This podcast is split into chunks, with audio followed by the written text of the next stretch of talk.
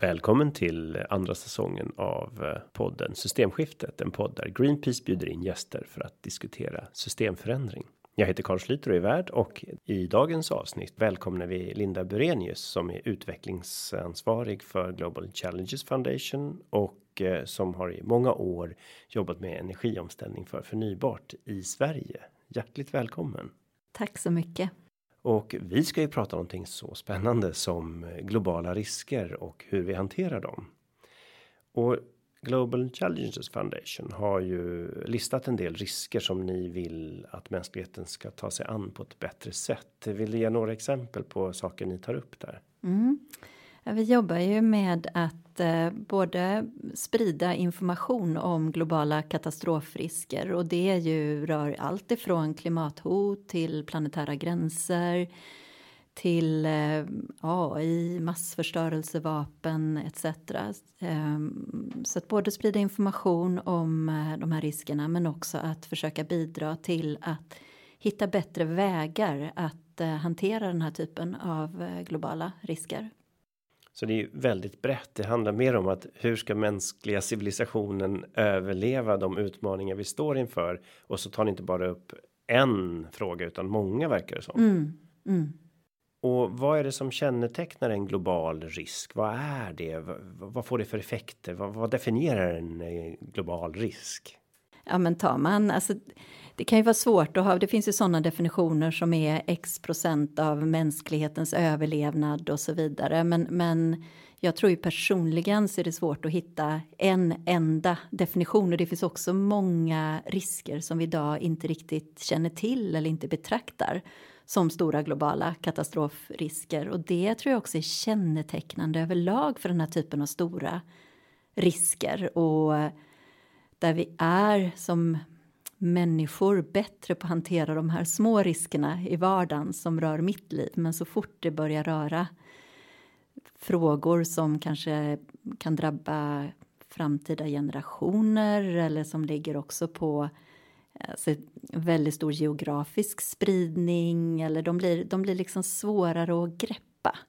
Och tar man då klimathotet som jag tycker är det, jag menar det fanns ju de som såg att det här var en global risk redan för hundra år sedan och försökte flagga för det här. Men eh, det, vi är ju fortfarande inte där att vi hanterar det på ett vettigt sätt. Och ändå är ju det väldigt stort debatterat och så tänker jag att för det går ju lite mode i vad man fokuserar på. Under kalla kriget så var just hotet från massförstörelsevapen mm. som du nämnde. Mm. Det var ju allas medvetande på 50 60-talet under kalla kriget, men idag är det nog ganska få som tänker på att de stora kärnvapenländerna står inför en gigantisk upprustning mm. och modernisering av sina vapensystem och mm. Greenpeace själva började ju faktiskt som just Greenpeace där vi eh, började med att protestera mot kärnvapensprängningar. Men det hotet finns kvar fast det är inte på näthinnan. Nej, och jag håller med och tänker även på om vi nu tar klimatet som då debatteras väldigt Eh, mycket nu och det finns en väldigt stor medvetenhet kan man tycka om hotet. Forskarkåren står enig och så vidare. Så är det ju fortfarande, tittar man då på de här eh, eh, planerna som alla länder har lämnat in nu för hur man ska bidra till att nå Parisavtalets mål till 2030 så summerar de till om jag minns det rätt till en utsläppsminskning om 12% till 2030 hittills. och vi ska ner till minst 45 procent åtminstone i minskningar. Så att även. Ja, och till och med det ger ju väldigt stora klimateffekter ja, och det är ju bara ett sannolikhetsintervall igen. För att vara på säkra sidan skulle vi faktiskt minska radikalt mycket mer dessutom. Så att även där så har vi ju uppenbarligen något stort glapp mellan även insikten om riskens allvar och eh, vad vi gör åt den.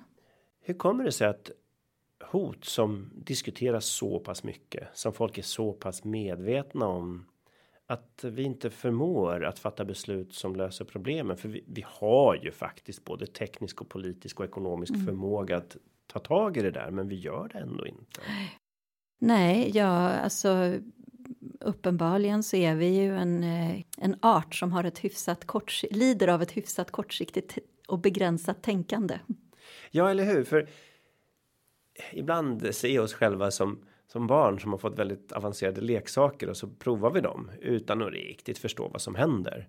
Och, och, du nämnde faktiskt även AI som jag själv la en motion till riksdagen om för ett antal år sedan jag satt där och det är ju en fråga som också tillhör de här som faktiskt inte debatteras alls mycket.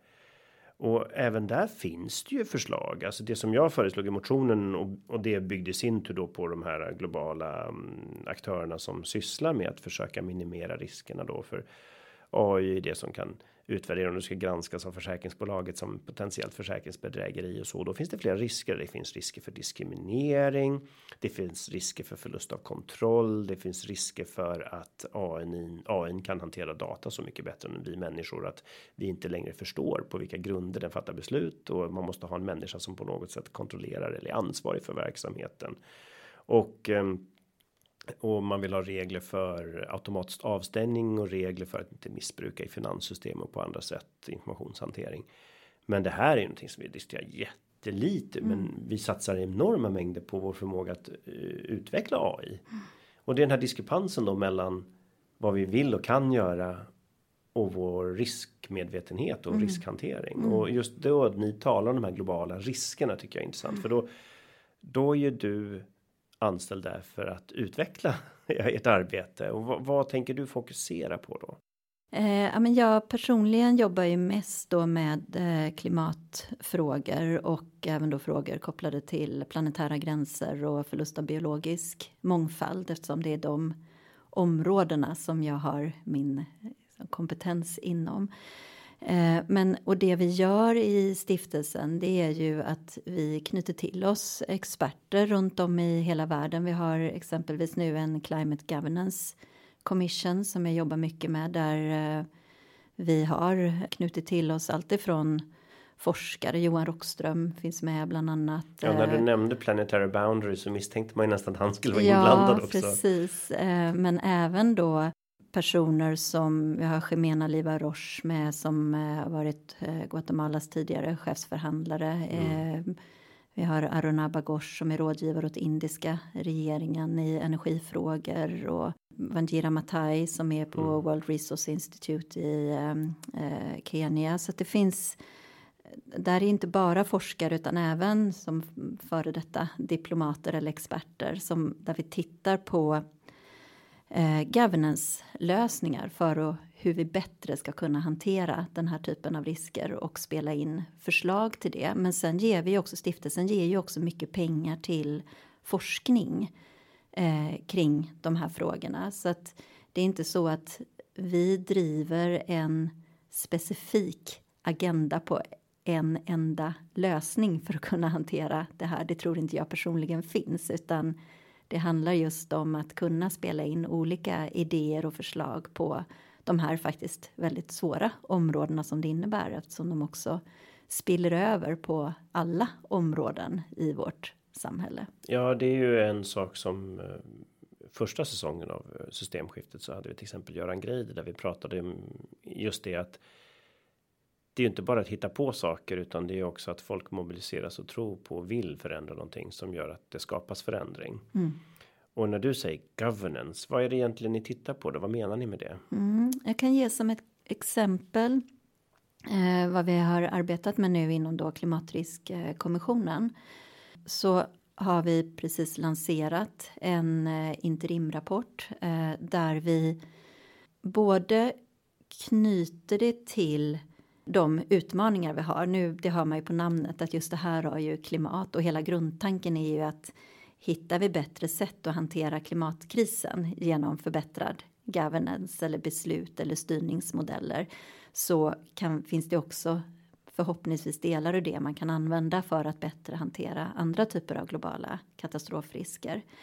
Och det vi utgår ifrån då det är tre riskgap, eh, förenklat uttryckt, där vi, vi vet vad forskningen är tydlig kring vad problematiken är. Vi vet vad det är som orsakar den globala uppvärmningen.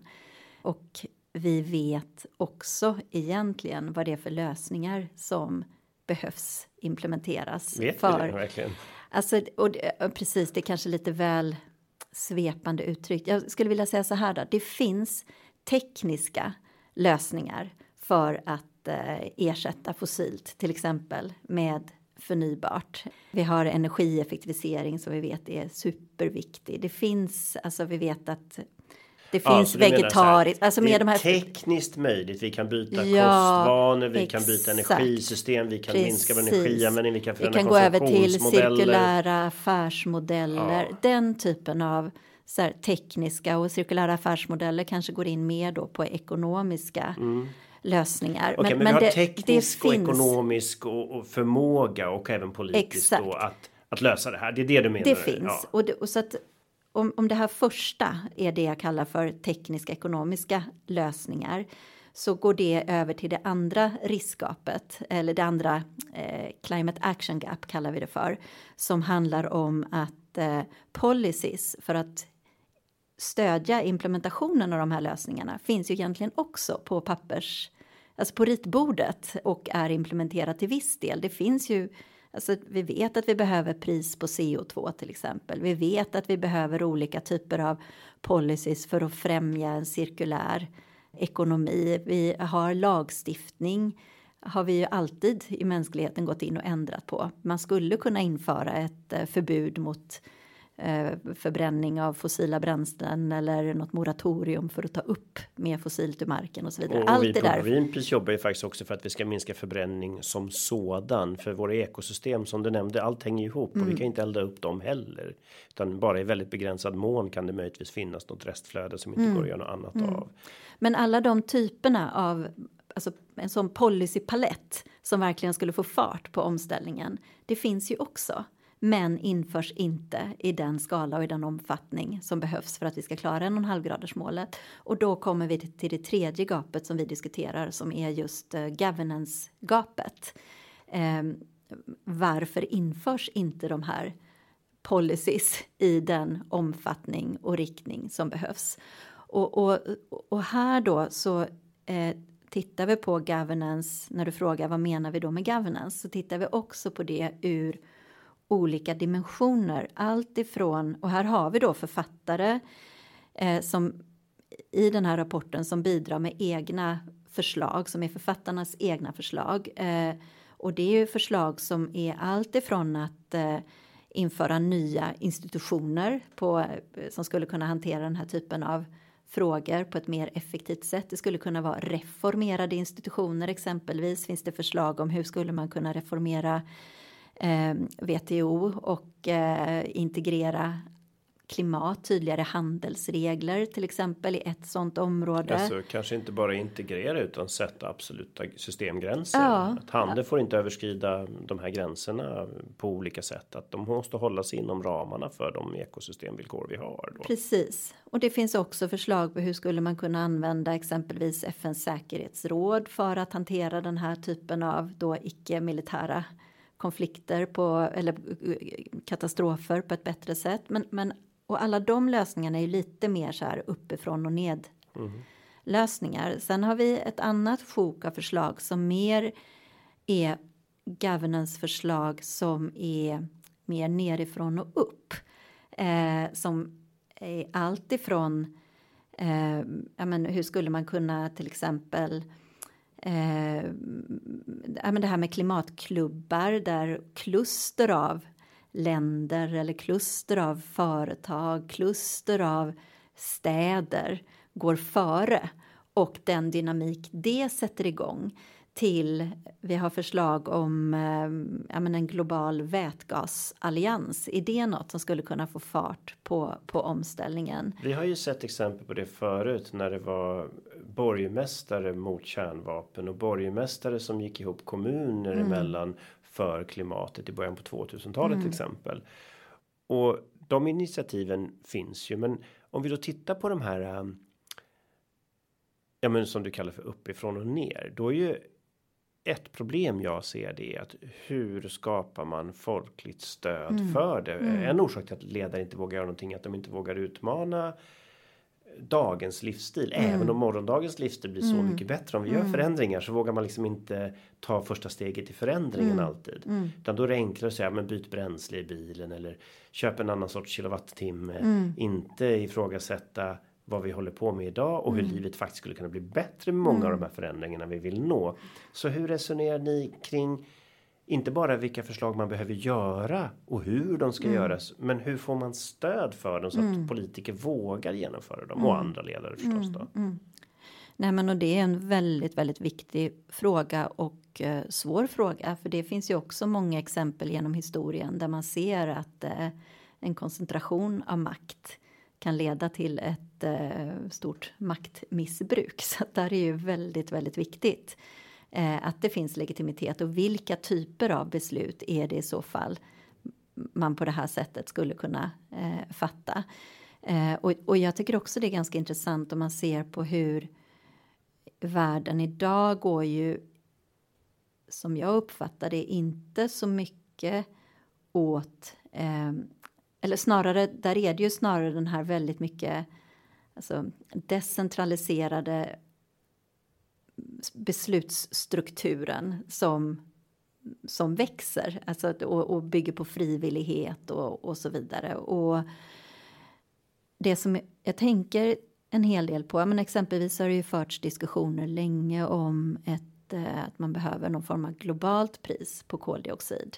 Och vem skulle då sätta det priset? Vilka skulle vara med och bestämma? Och vad gör man där? om någon inte vill betala priset? Ja, och, och finns det då kanske också en risk att det här priset blir för lågt så fort du har eh, många aktörer som ska vara med och bestämma så är det ju oftast kanske den som har lägst ambition som är den som på något sätt sätter, sätter golvet och så vidare. Men, Ja, men vi ser det på EU-systemets ETS då, är ett ganska intressant Mm, exempel där på. För jag var ju faktiskt i EU-parlamentet när vi Mm. började med det och och då var ju tanken redan då att priset skulle vara 30 euro per ton. Det var ju det golv vi såg Mm. skulle få tillräckligt styrande effekt och det har vi ju inte nått för nu allra sista Mm. tiden egentligen. Och, och riskerna. Hur, hur hanterar man det om man ännu mer komplext och ska göra det på global nivå? Vad har ni för tankar kring det? Nej, men och jag, jag tänker här också att eh, just EU tycker jag är intressant utifrån den diskussion som nu förs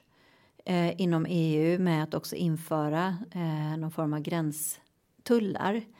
Eh, om, man, om man lyckas med det så, så blir ju det i den bästa världar ett sätt att faktiskt börja pusha fram för ett globalt pris på CO2 genom att andra länder också väljer kanske snarare att införa egna marknader eller system för prissättning Ja, det blir på lite frivillighet CO2. under tvång. Ja, eh, istället för att betala en sån Ja. eh, avgift till, till EU. Så att det är ju möjligt att de här eh, ja, men ibland att de här mer bottom-up vägarna faktiskt kan vara mer effektiva än att försöka ta väldigt stora globala grepp Och- och från början, i min personliga bild. Nej, men jag, jag tycker det är intressant. Jag har länge varit för det här med klimattullar och Greenpeace har faktiskt föreslagit det i vårt eh, systemskiftesarbete.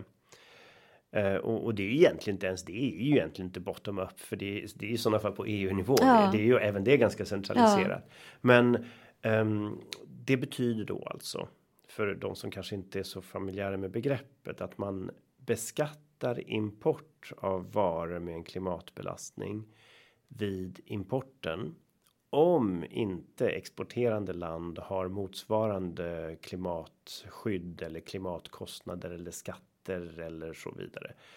Eh, och det gör ju då att eh, vi skulle faktiskt rätta till en sak och det är att många i, i västvärlden lever ju i tron att vi har minskat utsläppen jättemycket.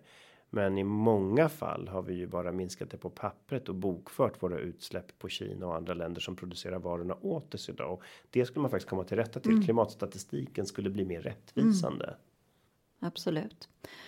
Och, och jag tänker också att just det här organiska framväxandet av olika eh, beslutsstrukturer är ju, jag menar precis som du säger så är ju EU blir ju mycket starkare än att det skulle vara ett enskilt land som eh, alltså ett enskilt land kan ju egentligen inte ens införa ett tillräckligt, alltså för då kommer du alltid in i det här med eh, att man kan, man blir rädd för att minska sin konkurrenskraft och man blir rädd att hamna efter eh, i liksom de nu, de strukturer som vi idag har för ekonomin och så vidare. Så att där blir man ju också tillsammans mycket starkare. Och det, det tycker jag ändå är spännande just med de här man nu skulle kalla också de här mer progressiva kluster som, som nu börjar komma av Alltså du var inne på de här borgmästarna men det kan ju också vara man kan se progressiva kluster av företag, man kan se progressiva kluster av länder, att det också lite grann kan växeldra med och göra att politiker också vågar fatta tuffare beslut. Eh, men sen sker det ju inte i tillräcklig omfattning så där gäller det ju också på något sätt att hitta, tror jag, de här nycklarna som gör att man genom att vara inne och peta på ett antal knappar verkligen kan sätta igång väldigt, väldigt stora snöbollar. Och det tror jag är en sån, alltså tar man resan nu som förnybart har gjort med de enorma kostnadsminskningar som har skett de senaste menar, 15 åren som jag har jobbat med de här frågorna ja. globalt. Det är ju en sån här möjliggörare eh, som är helt fantastisk. Det är ju, nu har jag inte huvudet exakt, det kanske du har, men, men hur mycket priserna på både sol och vind har minskat. Det är ju extrema tal vi har sista decenniet. Ja, nej men det är helt otroligt och nu så, så är det ju det billigaste energislaget eh, globalt att bygga och tar man i Sverige till exempel som är den marknad där jag framförallt har jobbat med förnybart så vet jag att när jag började jobba 2006 så stod vind till exempel för 2% av elproduktionen i eh, Sverige och eh, nu så kommer det ja, med, med de investeringsbeslut som är tagna så kommer det vara näst största kraftslag eh, redan 2024 och har gått om kärnkraften.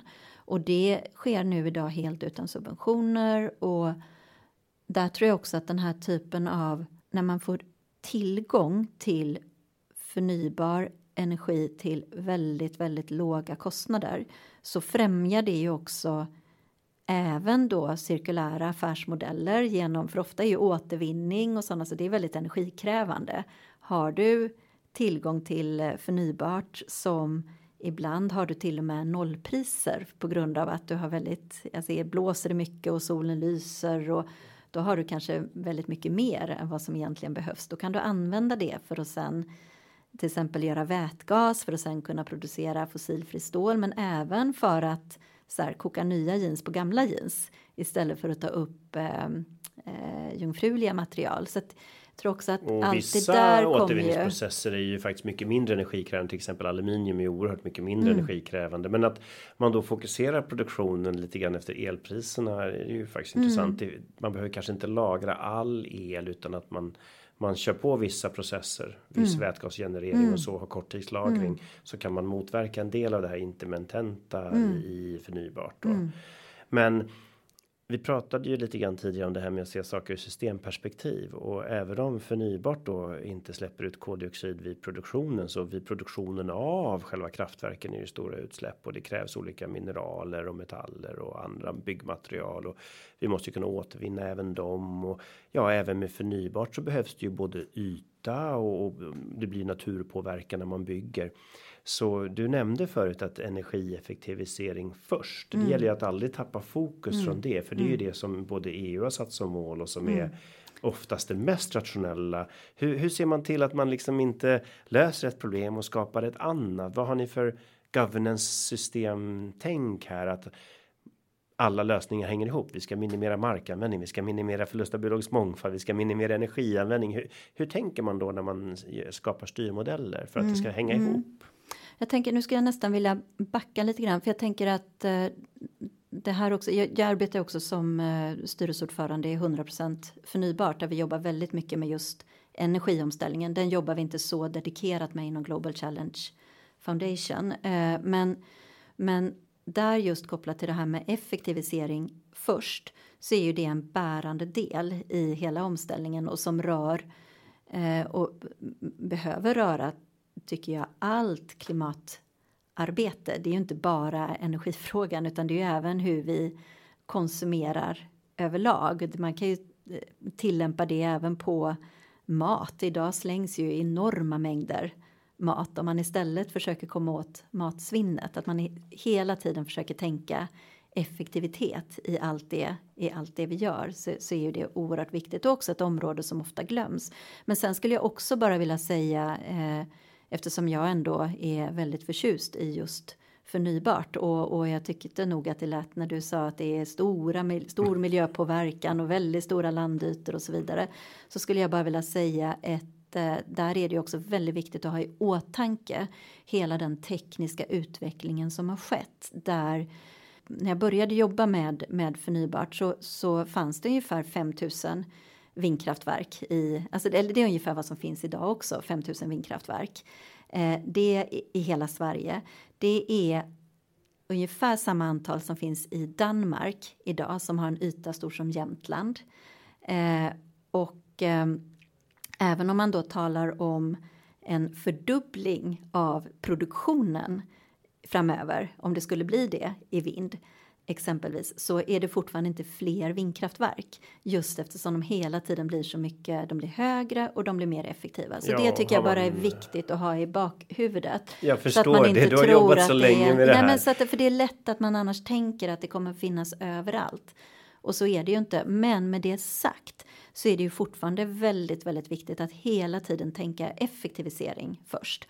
Och det tänker jag också handlar om alla våra konsumtionsmönster och det här det pratade vi också om lite grann innan vi började här med eh, men tar man en mobiltelefon till exempel eh, så är den idag designad för att hålla i, vad är det, två år eller någonting och det är hundratals leverantörer och den är ihopsatt på sätt som gör att det inte går att åter, återvinna och väldigt mycket av materialen är jungfruliga. Och det är ju, det är ju helt förfärligt. Och där skulle man ju kunna genom ganska enkla handgrepp i form av, eh, ja men säg att man skulle då säkra att man eh, förlänger och harmoniserar producentansvaret. Så att du som tillverkare tvingas att faktiskt ta hand om din produkt och se till att allt separeras och återvinns och så vidare. Eh, och också genom designkriterier. Och så att man skulle kunna enas om några sådana. Antingen, jag menar man kan börja på EU-nivå. Det bästa är ju naturligtvis om man börjar på mycket bredare nivå än så. Kring några sådana fundamentala principer, det vill säga några sådana knappar som du trycker på. Då skulle du ju få igång helt andra affärsmodeller där du som mobiltelefontillverkare helt plötsligt skulle bli intresserad av att tillverka din mobiltelefon för att hålla i kanske 20 år istället. Och snarare designa olika typer av tjänster som innebär att du hyr ut den istället och tjäna pengar på den så länge som möjligt istället för som nu två år och sen ska den bara slängas någonstans. Ja, min mobil är från 2016 och det är ju längre än de flesta mm. skulle behålla sin idag. Och det är ju ändå inte länge. Det är ju inte det. Och om man tittar på affärsmodeller då så kan man inte alltid räkna med att marknaden löser det här utan då jag har ju försökt reglera batterier så att de ska vara lätt utbytbara på EU-nivå. Men då underminerades det av ett handelsavtal med Kanada som mm. gjorde att vi godkände kanadensiska telefoner mm. som inte har det kravet. Mm. Och um, det är väl här systemtänket man kanske hittar en lösning. Man kanske trycker på en av de här knapparna du mm. pratar om. Men så undermineras den av att man inte ser problemet i en annan bit mm. av kedjan. Mm. Och ett av våra avsnitt med Isabel McAllister handlade just om det här. Hur kan vi ställa krav på producenter så att det är de som tjänar pengarna på mm. att göra någonting hållbart? Om det är du som företag och producent som får betala för kostnaderna för att saker inte kan återvinnas mm. på ett enkelt mm. sätt. Ja, då kommer ju de väldigt snabbt ställa om. Exakt. Det är ju inte så rocket science i att trycka på några sådana knappar, utan vi har ju producentansvaret. Det finns ju eh, designkriterier. Man skulle kunna integrera eh, klimat tydligare i alla handelsregler och så vidare. Alltså reformera de institutioner och regelverk som finns kopplat till klimat och planetära gränser. Ett av de mest framgångsrika direktiven på EU-nivå som jag varit med om det är just ekodesigndirektivet. Mm. Det är den som förbjöd glödlamporna som mm. det var väldigt mycket debatt mm. om. Och här såg vi nu då några år senare resultatet. Mm att det finns ju faktiskt oerhört mycket fler mysbelysningslampor med koltrådsimitation mm. av ledlampor mm. och så som drar en bråkdel av mm. vad de gamla lamporna dog. Mm. Och den här skräcken för att det mysbelysning skulle försvinna och vi levde alla i lysrörsbelysning. Den, mm. den försvann ju helt mm. och, och, det var väldigt mycket motstånd, men nu tror jag få som längtar tillbaka till en tid när man Absolut. betalade väldigt mycket för att lysa upp ett rum. Och det är återigen att de tekniska lösningarna finns. De måste bara, det måste bara tryckas på de där knapparna så att det blir rätt lösningar som kommer och att det blir en effektiv användning. Men den här eh. podden skulle inte kallas för systemskiftet om inte jag då också tog upp det här att när du säger tekniska lösningar har vi redan rätt ut det här mm. avsnittet mm. att det är ju faktiskt bredare än bara ändra teknik. Mm. Det kan handla om att ändra affärsmodeller, mm. införa cirkularitet. Mm. Och ytterligare en dimension av det med hållbarhet som ni tar upp i ert arbete är ju hur kan den här omställningen vara rättvis? Mm. Mina tidigare frågor handlade just om vi måste ju också få stöd för förslag som man lägger. Vad har ni tänkt kring det?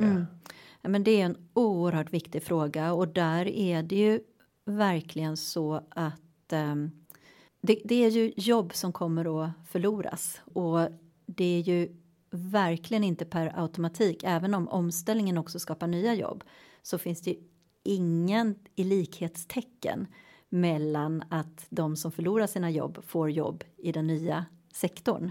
Och det är ju och det är få också... politiker som vågar vara så ärliga med det. Det skulle vara mycket mer rakryggat att säga att en del jobb försvinner, mm. andra mm. skapas. Men det är klart att människor kommer få omställningsproblem ja. och då måste ju de människor som blir av med de jobb de har idag mm. känna trygghet. Annars mm. kommer man ju motarbeta mm. förändringen. Verkligen så att det är både stora arbetsmarknadsimplikationer, men sen har det också hela rättvisedimensionen utifrån eh, de länder där levnadsstandarden mm. fortfarande är väldigt låg.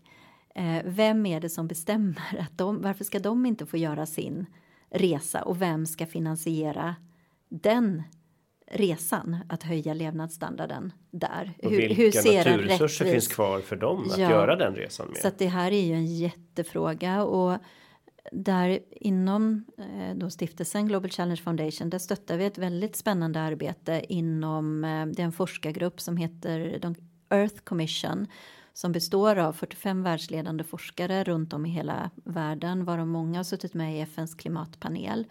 Eh, och där den arbetsgruppen som vi stöttar heter just Transformation och den handlar om hur ska man försöka hitta vägar för en eh, säker och rättvis omställning och med säker menar man då att den är säker utifrån att den håller sig inom de planetära gränserna och sen med rättvis att den eh, också eh, blir rättvis. Och, och, eh, där jag har lyssnat in på en del eh, av de mötena är väldigt, väldigt duktiga också beteendeforskare och så vidare. Men det, det är ju inte lätt heller att reda ut vad är rättvisa och rättvisa för vem och så vidare. Så att det, det är väldigt spännande att följa det arbetet. Så att jag kan verkligen tipsa om att gå in och titta på Earth Commissions hemsida för den som är intresserad av de frågorna och sen följ de rapporter som kommer för det, det kommer bli väldigt, väldigt spännande.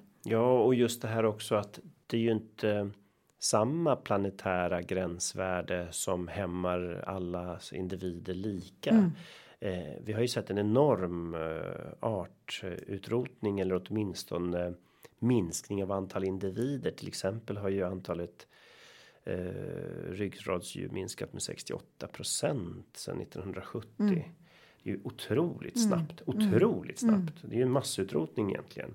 Och eh, för insekter en studie i Tyskland som undersökte det i naturreservat så inte på åkermark där man har besprutat bort dem mm. utan konsekvenserna in i naturreservaten mm. och då mm. var det ju 76% minskning av insektsmassan mm. totalt mm. och bland flygande insekter var 82% Det är ju extrema minskningar.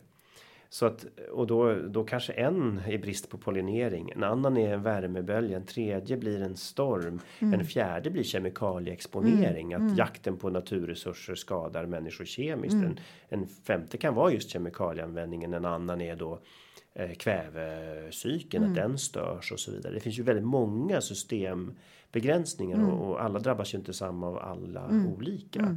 Och när du pratar om rättvisa eh, kring omställningen, hur säkerställer man just att man får en helhetssyn här så att man inte löser kanske ett problem, ett klimatproblem på ett ställe mm. men orsakar en kemikalieskada någon mm. annanstans. Hur, mm. hur resonerar ni? Hur, hur, hur tittar man på det?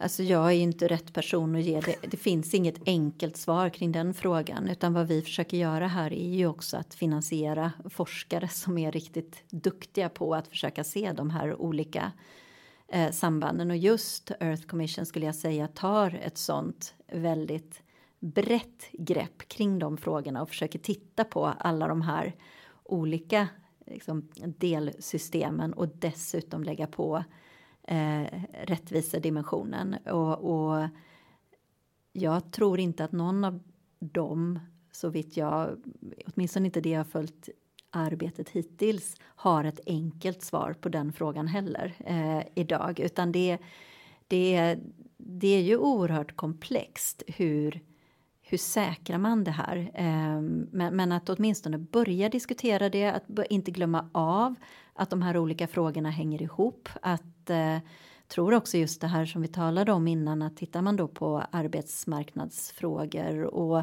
kan man ju se bara på gula västarna och, och även liksom framväxten av liksom kanske lite mer då mm, högerpopulistiska partier och som inte heller ser klimat som någon stor fråga till exempel utan rider på en sån här missnöjesvåg. Det är ju också en jätterisk om man inte lyckas eh, adressera den här problematiken att det faktiskt kommer bli eh, det finns väldigt många målkonflikter i den här typen av omställning. Ja, ledsen kära lyssnare. Inte heller i detta avsnitt fick ni en enkel silver bullet som löste alla problem. Utan det är bara att lyssna vidare och resonera vidare. För det, det är det lite grann som är syftet även med den här podden. Att ta hit gäster, diskutera olika problem och olika lösningar. Men det finns ju som du säger, det finns ju ingen som kan ge en enkel lösning. Utan det är att vi alla bidrar lite till. Till en omställning och att inte vara rädda för den utan att se att en omställning skapar möjligheter. Mm. Människan har ju förändrat sitt liv med flit, inte av tvång mm. förut. Och att se möjligheten att förändringen faktiskt kan göra livet bättre. Det är väl mm. det mycket av det här arbetet handlar om. Att mm. inte vara rädd för den. Och det, det jag tyckte var lite intressant. Du nämnde gula västarna. För jag översatte. Det fanns ju många olika grupper. Men den största gruppens krav på Facebook översatte jag från franska till svenska. Och jag blev förvånad över att när jag hade läst i media om att det bara handlade om bensinpriset så var det inte det utan det var en lång rad av upplevda orättvisor när Macron hade lovat en massa saker till alla men de enda han levererade till var stora bolag. Mm. Och det var den här känslan av total orättvisa och när då bensinskatten höjdes så blev det liksom droppen. Mm. Men bland deras krav fanns ju till exempel att beskatta fossilanvändning i flyg och fartygstransporter. Mm. Så det var inte så att de var klimatförnekare utan mm. de bara kände att orättvisan och det vi pratade om förut att mm ja, man kan inte lägga all last på en vanlig människa med liten makt att mm. ställa om samhället. Varken ekonomiskt, politiskt eller andra krav i vardagen. Utan vi måste ju gå på företag som missbrukar systemet. Som utnyttjar att vi överskrider systemgränserna. Det är där vi måste sätta in stöten. Mm. Och, och ni har ju säkert tänkt en hel del på det här. Och du har ju nämnt klimattullar och globala skatter. Men mm. de kan man ju behöva vänta på. Finns det några förslag som du känner här kan vi börja med kanske i Sverige eller åtminstone i EU eller lokalt. Varför inte det? Mm. Finns det några sådana förslag som du känner här kan man skapa en positiv kraft som de här klustren du har pratat om?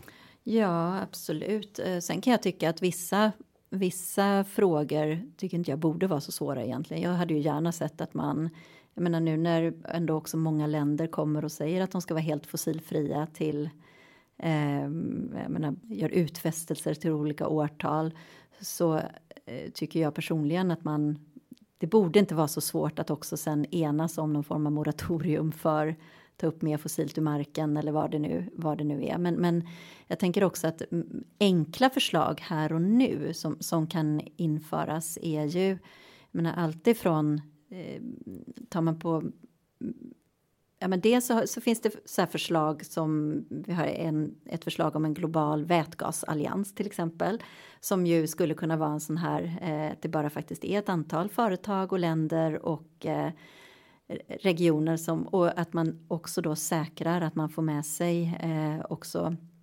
eh, länder som annars har svårt att få investeringar på grund av att de ses som eh, eh, ofta, alltså idag är det ju de rika länderna framför allt som får väldigt mycket av kapitalet.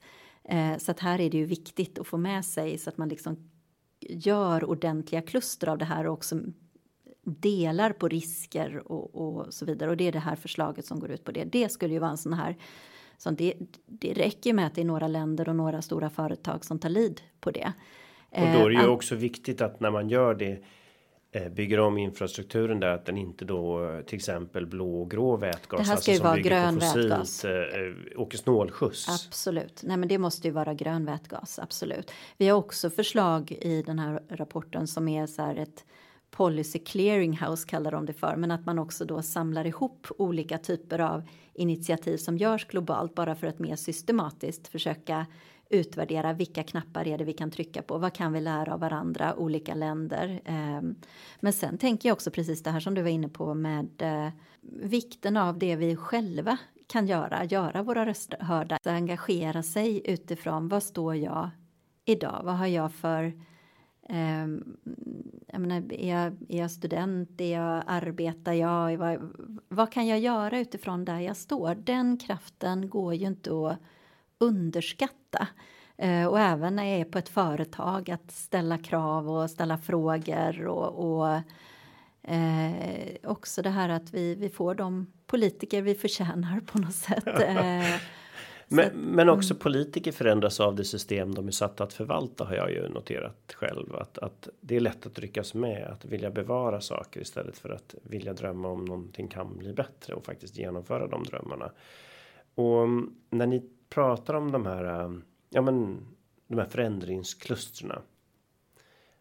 Vad har vi sett är det som skapar sådana kluster? När blir de framgångsrika? Har du några slutsatser att dra från ditt eget arbete med förnybart? När tog det fart? Ja, men jag tror att jag tror att det är bra att försöka enas kring, för det där handlar ju också om det här, då kommer man ju åt det här också eh, till viss del med liksom legitimitet och sådär, att se vad är det, finns det några frågor där många länder har ett gemensamt intresse och man kan enas om principer för det, att samarbeta kring eh, just den frågan. Jag tänker att där till exempel, jag menar, eh, nu var ju det en gammal fossilunion får man väl säga med kol och stålunionen, men som på något sätt ändå var en konkret fråga där länder hade gemensamt intresse. Man började enas om principer för det och det är ju till viss del senare det vi fick se som EU.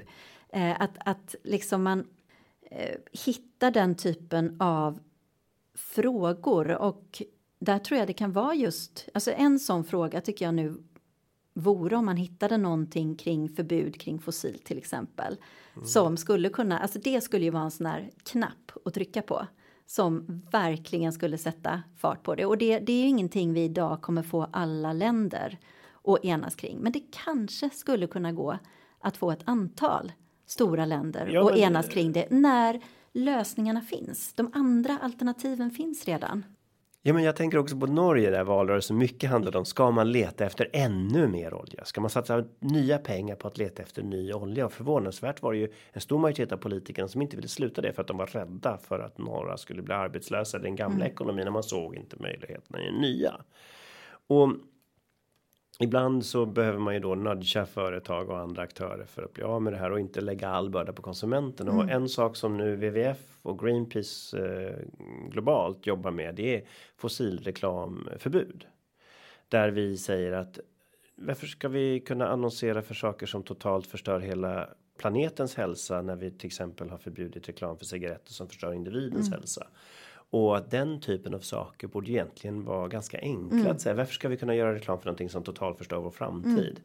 Mm. Och, och, då är det ju så bra med den frågan är ju som du säger att man kan hitta en eh, koalition av villiga och mm. de kan ju vara på på lokal nivå. Mm. I, I, Stockholm här finns ett förslag nu på mm. bordet om att Stockholm inte ska upplåta sina egna reklamytor till det här. Och mm. Då kan man göra på lokal nivå, regional nivå, mm. nationell nivå mm. eller EU-nivå eller mm. global. Eh, men just att man hittar ett förslag och sen försöker man hitta rätt kluster och driva det. Ja. Och det, det, tycker jag är intressant med ert arbete. Och jag tror att det kan vara en väg också att, uh, att nå mer globala eh, alltså beslutssystem att, att eh, man börjar den vägen. Eh, och har du då tillräckligt stort antal länder och eh, marknader då börjar ju också företagen ställa om. Jag tror det är det vi kommer se hända nu med om de här gränstullarna i EU införs för att det, det är en tillräckligt stor marknad för att de riktigt tunga aktörerna ska börja ställa om. Och har du väl börjat ställa om då vill du ju sen också fortsätta driva det även i andra länder och kan sälja det på andra marknader. Och då kan det bli fler länder som faktiskt också ansluter sig och jackar in i de här olika eh, systemen och principerna. Jag har väldigt positiva erfarenheter själv från det här med att angripa ett problem från två sidor samtidigt. Mm. Det var jag var ansvarig för en lagstiftning om PFOS, perfluorerade mm. oktosulfonater som är väldigt skadliga ämnen då. Och eh, jag hade inte stöd för att förbjuda det i brandskum till en början, men så såg vi att i Norge var ett företag som tillverkat alternativ. Och då visar vi att när man kan visa att det finns ett alternativ som fungerar, då är det mycket lättare att få en större global eller annan större mm. sammanslutning att våga fatta ett beslut. Mm. Det är alltid läskigt att göra någonting oprövat mm. tycker många och ju högre upp i beslutshierarkin det kommer så så är det svårt. Det är, det är lättare att få familjen att prova en ny attraktion i Gröna Lund som ingen har prövat mm. eh, i familjen, men andra kanske har gjort och, och mm. så vidare. Det är samma sak för länder att de vill. De vill ju prova någonting som funkar ofta. Mm. Eh, och, och, så det här dubbla sättet att angripa problemet på tycker jag låter väldigt intressant med mm. ert arbete. Mm. Ha, och jag tror också världen kan vara lite olika mogen för olika typer av förslag. Det just det här med idag så, så ligger det väl kanske inte runt hörnet att reformera FN för att få FN bättre rustat för att eh, kunna hantera den här typen av globala kriser. Men det är ju möjligt att vi faktiskt är i en annan situation om fem år eller tio år. För, för fem eller tio år sedan var det väl ingen kanske som trodde heller att vi skulle ha gränstullar i EU och nu är vi på väg att få det. Så, Nej, det kan jag intyga när jag satt i parlamentet så skrattade folk åt den typen ja, av förslag och nu tio år senare så är det plötsligt exakt. kommissionen själv. Och därför så tror jag också att det är oerhört viktigt att faktiskt också jobba och borra i de här frågorna med hur skulle ett reformerat säkerhetsråd exempelvis kunna fungera? Eller det finns också förslag om andra typer av, det finns en organisation som heter FOGS som jobbar med ett Global Resilience Council mm. som förslag som eh, också då skulle hantera den här typen av eh, globala risker. Och jag tror att bara genom att borra in i de frågorna och fördjupa diskussionen, debattera dem, utveckla de här tankarna, fundera kring de här frågorna som legitimitet och så vidare. Så, så står du mycket mera rust, väl rustad inför den dagen när det faktiskt kanske helt plötsligt är att världen är mogen för det. Så att det, det är ju väldigt, väldigt viktigt att våga tänka på de här lite mer övergripande och eh, järva förslagen också. Ja, men jag skulle vilja sammanfatta det som du sa nu med att bara om man vågar drömma om det orealistiska och naiva så kommer man uppnå det realistiska för att det är först då man när man vågar tänka det otänkbara som man faktiskt börjar ta första steget mot ändå. Mm. Och jag såg att ett av era förslag i rapporten som er grundare skrev var ju just det här om att eh, FN borde ha en insatsstyrka som säkrar alla länder från invasion och försvarar alla länder. Och det är ju helt otänkbart upplevs som naivt idag när USA är så dominant och starkt. Men vem vet vad som händer om Kina blir så starkt att USA inte längre känner sig lika stark förmåga eller EU inte känner sig lika stark förmåga eller någon annan då när maktbalansen ändras då kanske plötsligt också maktbalansen för att ha något gemensamt som försvarar oss alla från alla andra kanske känns mer attraktivt för fler. Det, det är helt utopiskt att det skulle hända idag, men vem vet i en annan maktbalans vem som byter stol? Mm.